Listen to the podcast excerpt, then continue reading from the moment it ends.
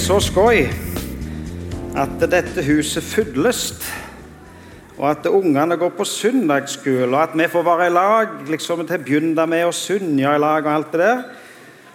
Og så skal ungene fortsette festen i kjedleren, mens vi skal være her litt. Uh, nå har jeg vært Jeg har ikke vært her på to måneder, for jeg har vært på Skal jeg si? Jeg har på tur. Eh, jeg har vært i Tanzania i to måneder. Eh, og dette semesteret har vi hatt som tema 'Min hjertesak'.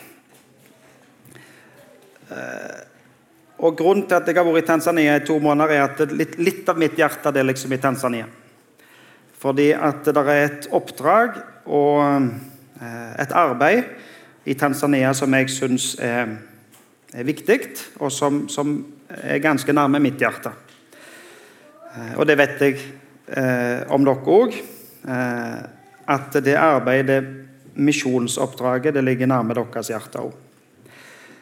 Og Så skal jeg lese en tekst i dag som sier noe om de to viktigste tingene jeg vet om.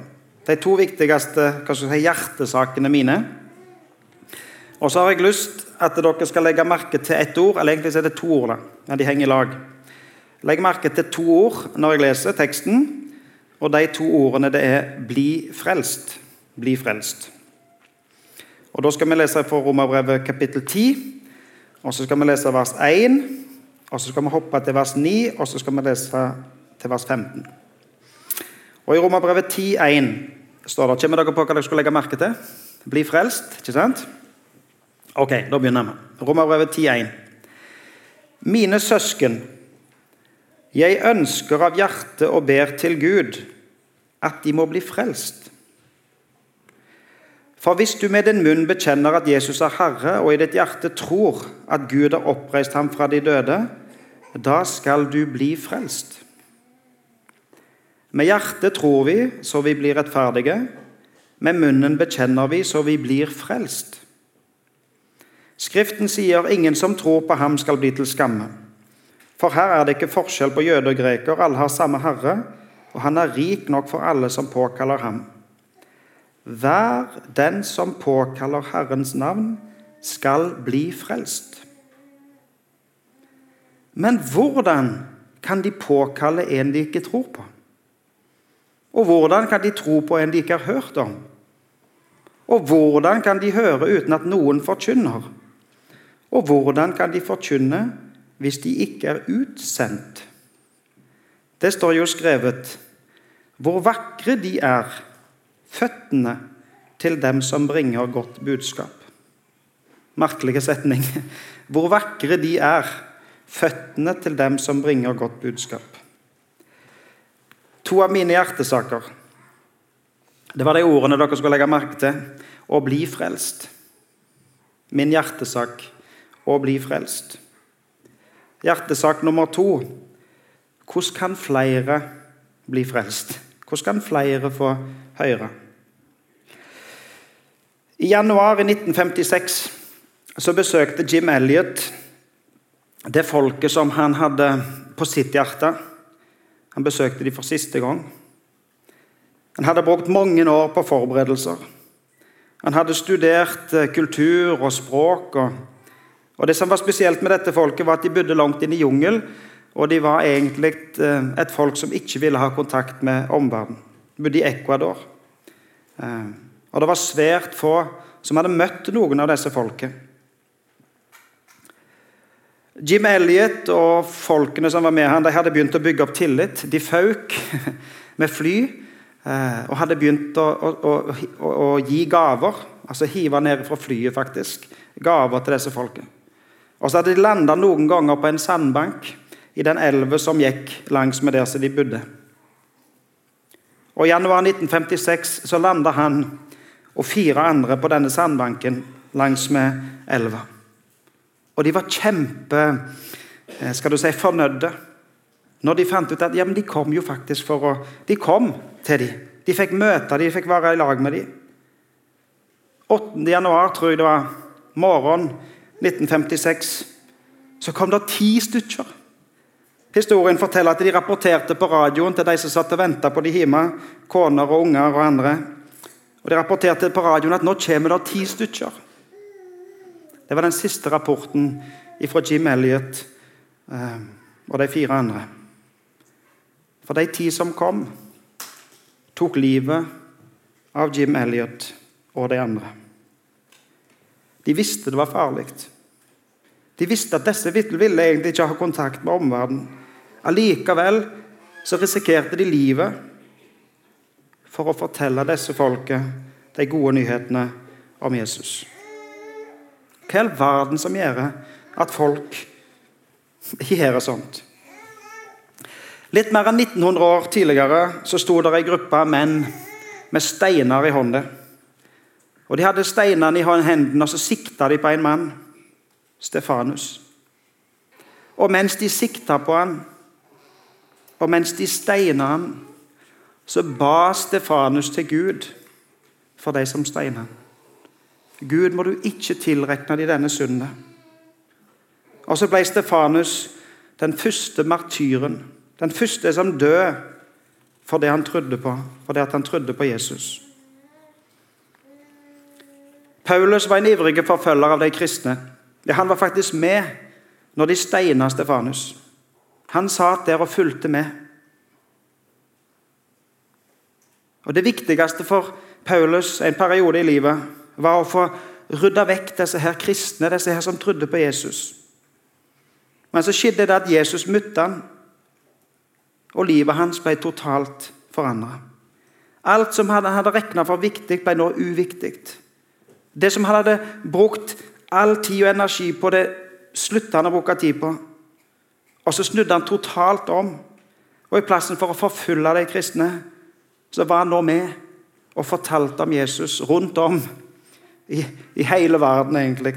Iallfall i den verden som de kjente. da. Til slutt så ble Paulus fengsla, tatt livet av. Hvorfor i all verden eh, utsatte han seg for en sånn risiko? Jo, Paulus skrev jo her Jeg ønsker av hjertet Jeg ønsker av hjertet at de må bli frelst.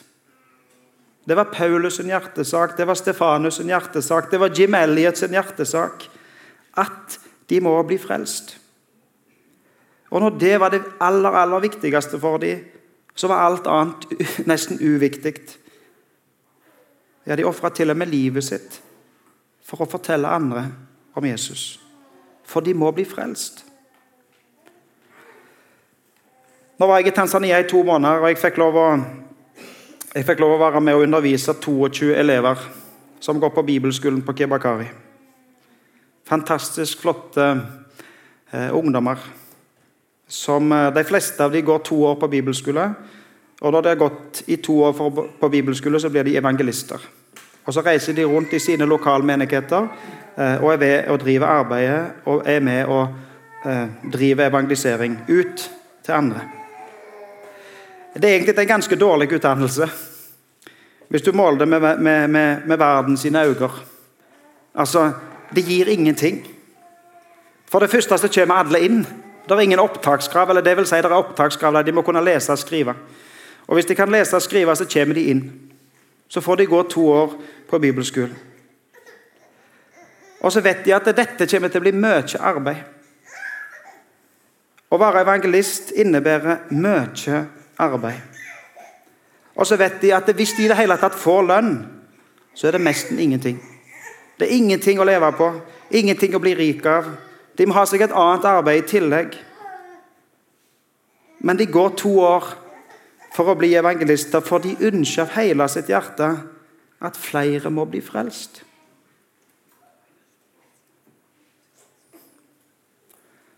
Og så kjenner jo vi jo på det. Det er ikke sikkert vi våger å måle oss med Paulus eller Stefanus eller Jim Elliot for den del. Men vi kjenner jo på at det som vi har fått, det må andre òg få.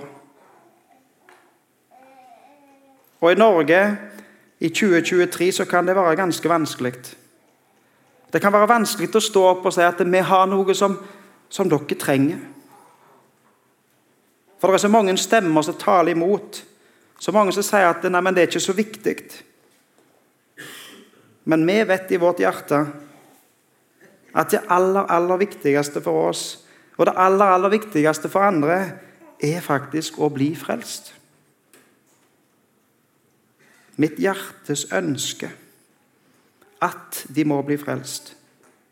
Det er jo egentlig derfor vi samles her. Søndag etter søndag. Det er derfor ungene er samla på søndagsskolen. Det er derfor det er aktiviteter hele uka på dette bedehuset. Og andre bedehus og kirker. Det er utrolig mye som skjer. For vi ønsker av hele vårt hjerte å bli frelst, og at andre skal bli frelst.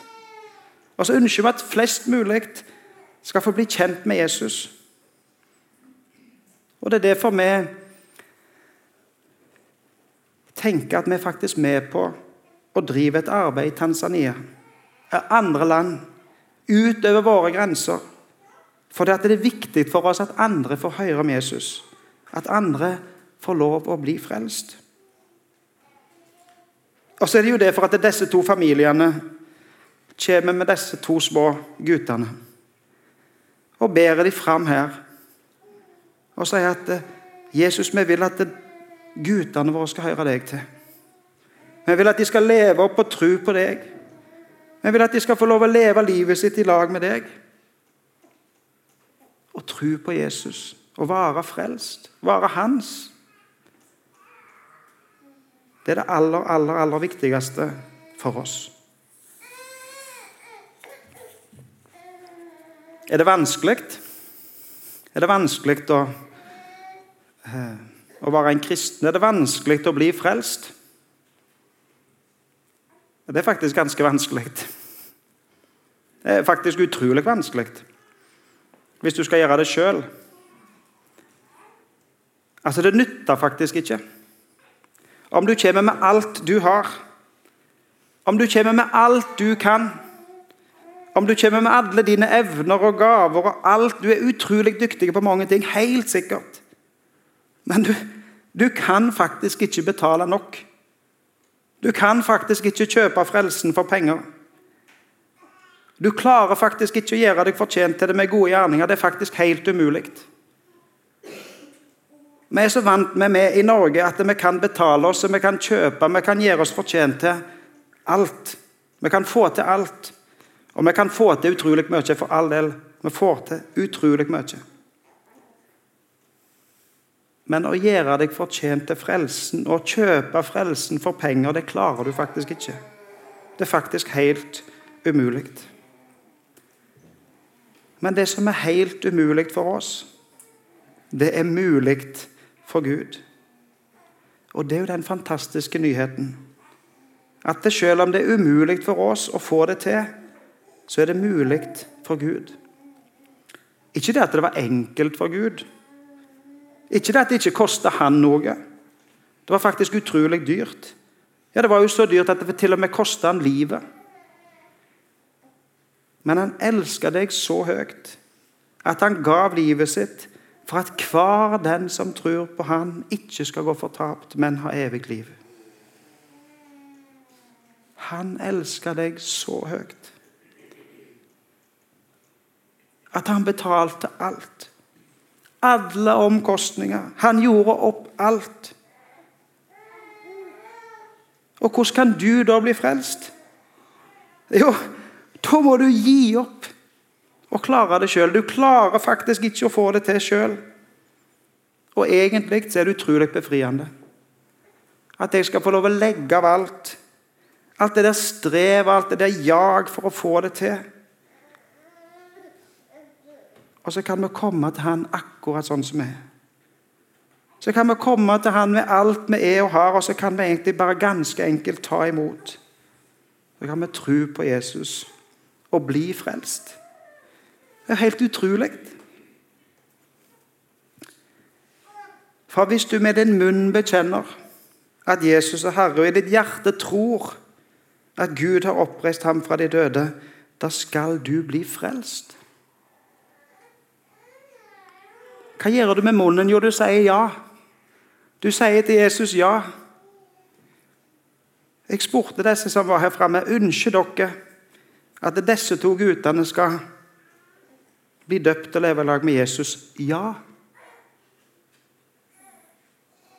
og i ditt hjerte tror at Gud har oppreist han fra de døde, da skal du bli frelst.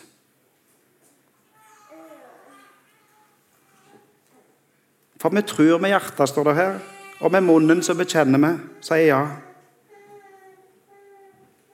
Og hver den som påkaller Herrens navn, skal bli frelst. Hver den som sier ja til Jesus, hver den som tar imot Jesus, skal bli frelst.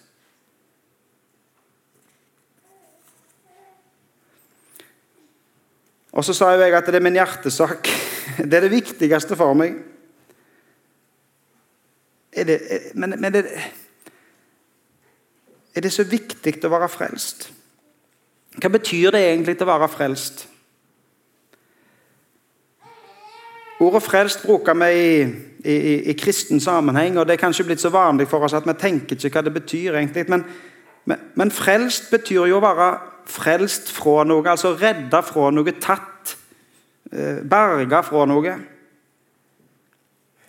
Du er frelst ifra synd og fortapelse, og frelst til tilgivelse og evig liv.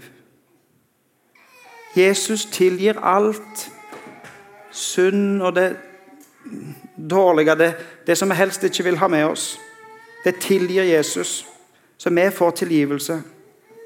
For at hver den som tror på Han, ikke skal gå fortapt, men ha evig liv. Frelst fra synd og fortapelse, og får ikke Jesus tilgivelse og evig liv. Og da er det jo ganske viktig. Ja, da er det faktisk livsviktig. Da er det livsviktig å bli frelst.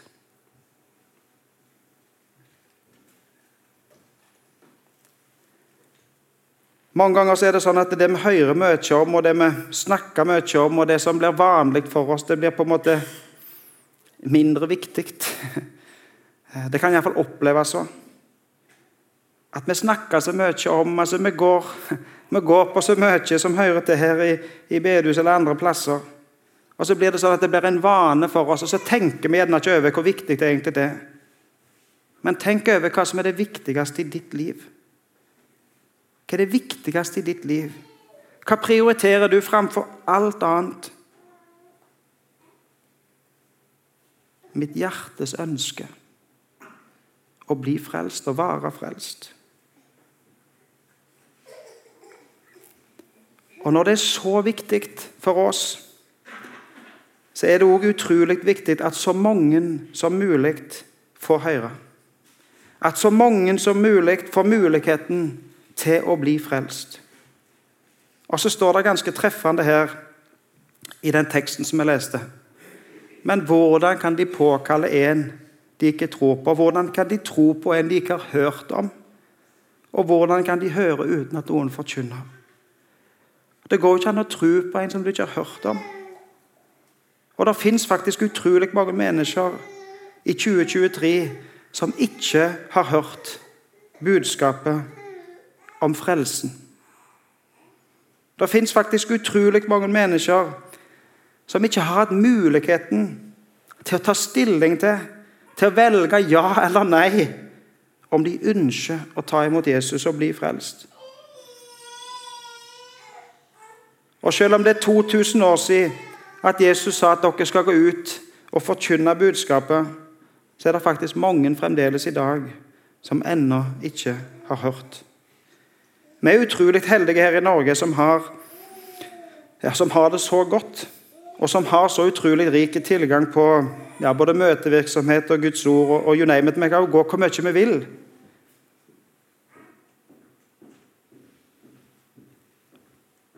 Men det er utrolig viktig at vi i Norge kan få lov å være med og fortelle, kan få lov å være med og vitne, både for våre eh, naboer og de som bor her rundt oss, men òg ut til verdens ende. Ut til der som folk ikke har hørt ennå. Og Derfor er vi med og driver eh, arbeid, derfor er vi med og driver misjon, derfor er vi med og reiser til Tanzania og være med og utruste de som skal gå videre med evangeliet, og andre plasser. For vi ønsker at flere skal få lov å få muligheten til å bli frelst. Og så er denne merkelige setningen som jeg leste. Det står jo skrevet 'hvor vakre de er', føttene til dem som bringer et godt budskap. Hvor vakre de er, føttene til dem som bringer et godt budskap. Jeg opplevde en ting som, jeg, eh, som på en måte slo meg når jeg leste denne setningen, eh, og som jeg tenkte jeg skulle fortelle til dere. Eh, jeg satt på et fly. Jeg reiste fra Addis Abeba i Etiopia til Nairobi i Kenya. Og Så satt jeg litt, et lite stykke bak i flyet, ikke så voldsomt langt, og så satt jeg helt inne til venstre, helt ut med glasset. Og Så kom der inn noen idrettsfolk. Jeg så ganske tydelig at de var idrettsfolk. De var slanke og spenstige, og de gikk på en måte som så at disse her er, disse her er idrettsfolk. Uh, og så så jeg at alle hadde sånne superfancy sko. de hadde sånne, ja, sånne sko som de har, de som er sånn idrettsfolk. Uh, jeg har ikke peiling på hva de heter, egentlig, men, men kom en av de kom inn og satte seg på siden av meg, og så en til på, på utsida der. Uh, og Så begynte jeg å snakke med han, og og, og, Det viste seg at han var fra Kenya, han skulle hjem til Kenya. og Da syns jeg det er litt spennende å, å, å, prøve å snakke litt swahili. Eh, og Så snakket jeg litt swahili med han, og jeg fikk vite hva han heter. Han heter et vanskelig navn. Han heter Elisha Kipchirchir. Hvis du søker opp Elisha Kipchirchir på Google, hvis du klarer å stave det, da, eh, så finner du ut at han Elisha han springer maraton. og han springer maraton på hold dere fast, de som vet litt om maratontider, men han springer maraton på 2.04.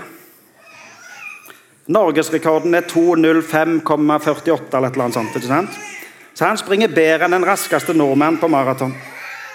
Og Så fikk jeg sitte litt ned og snakke med han her Elisha. Eh, og det er jo klart at Han var superivrig på springing. Noe av det viktigste i livet hans var, var springing.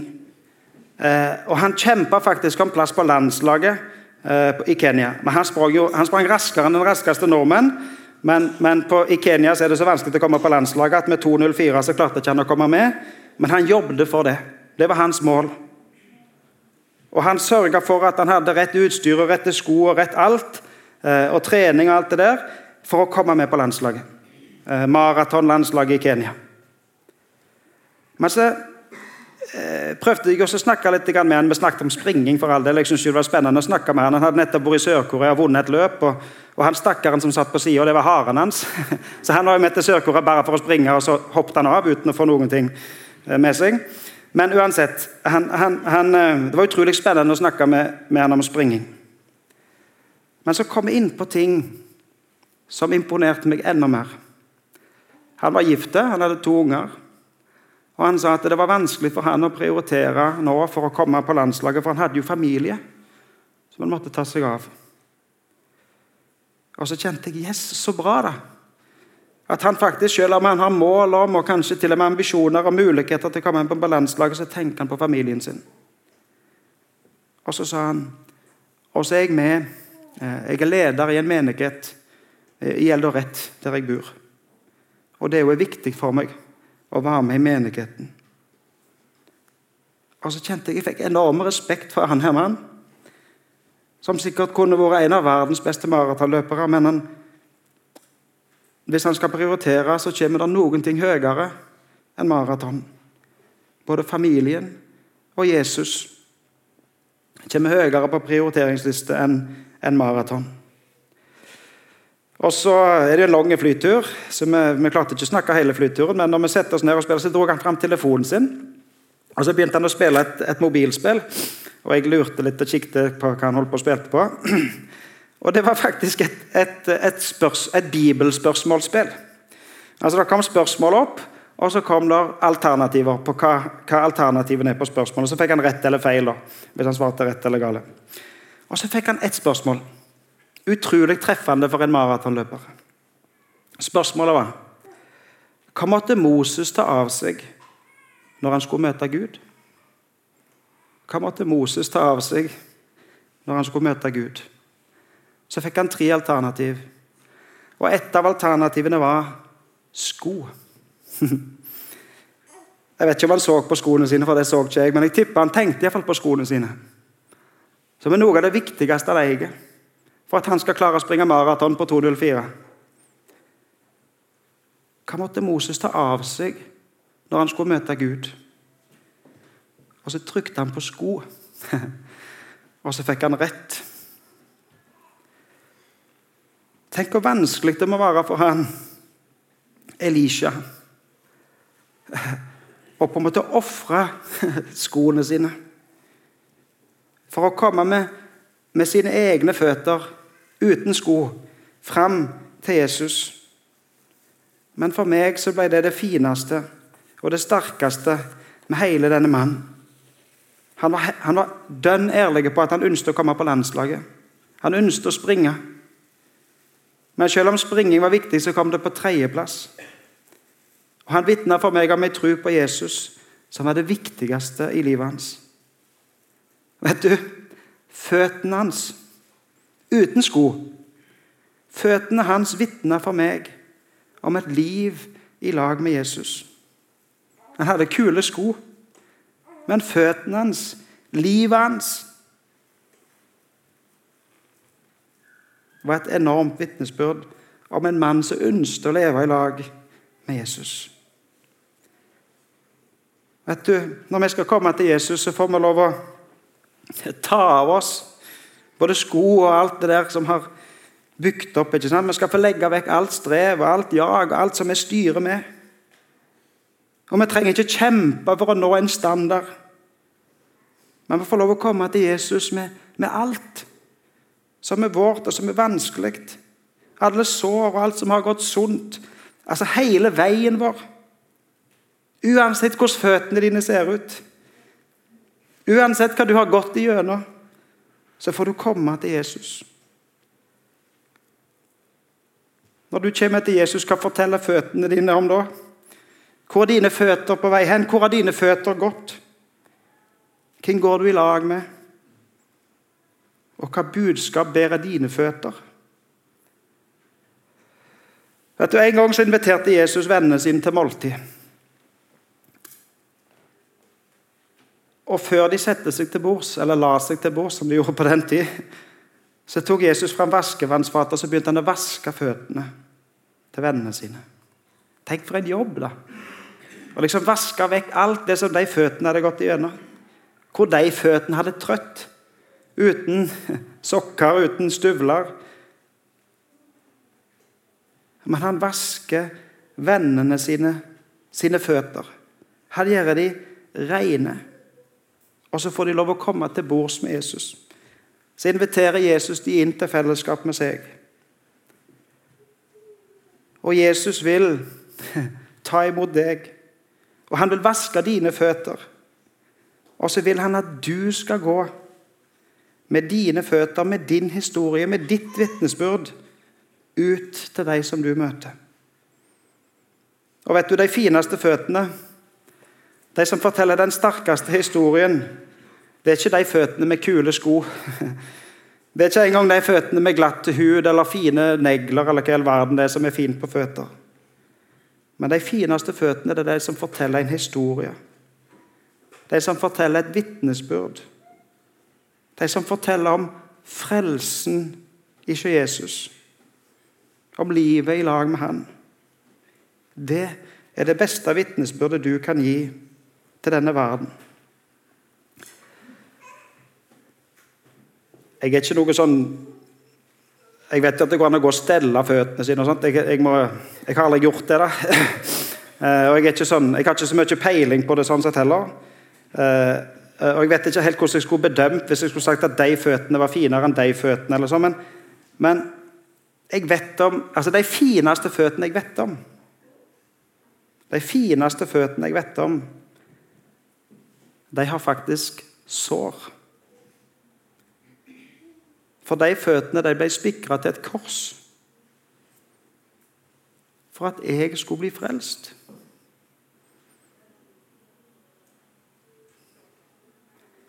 Jesus sine føtter forteller meg en historie om min frelser som ofra livet sitt for at jeg skulle bli frelst. Og de føttene er de fineste jeg ser. selv om de har sår. For de sårene vitner for meg om alt det Jesus har gjort for at jeg skulle bli frelst.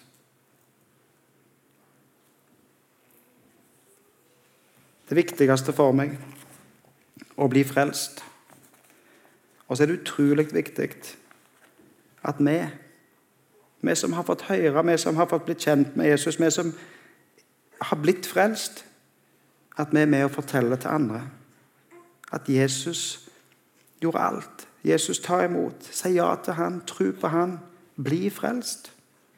Det er et budskap som vi har å gå med. Må jeg be. Kjære Jesus, takk for at uh, du vil gå i lag med oss.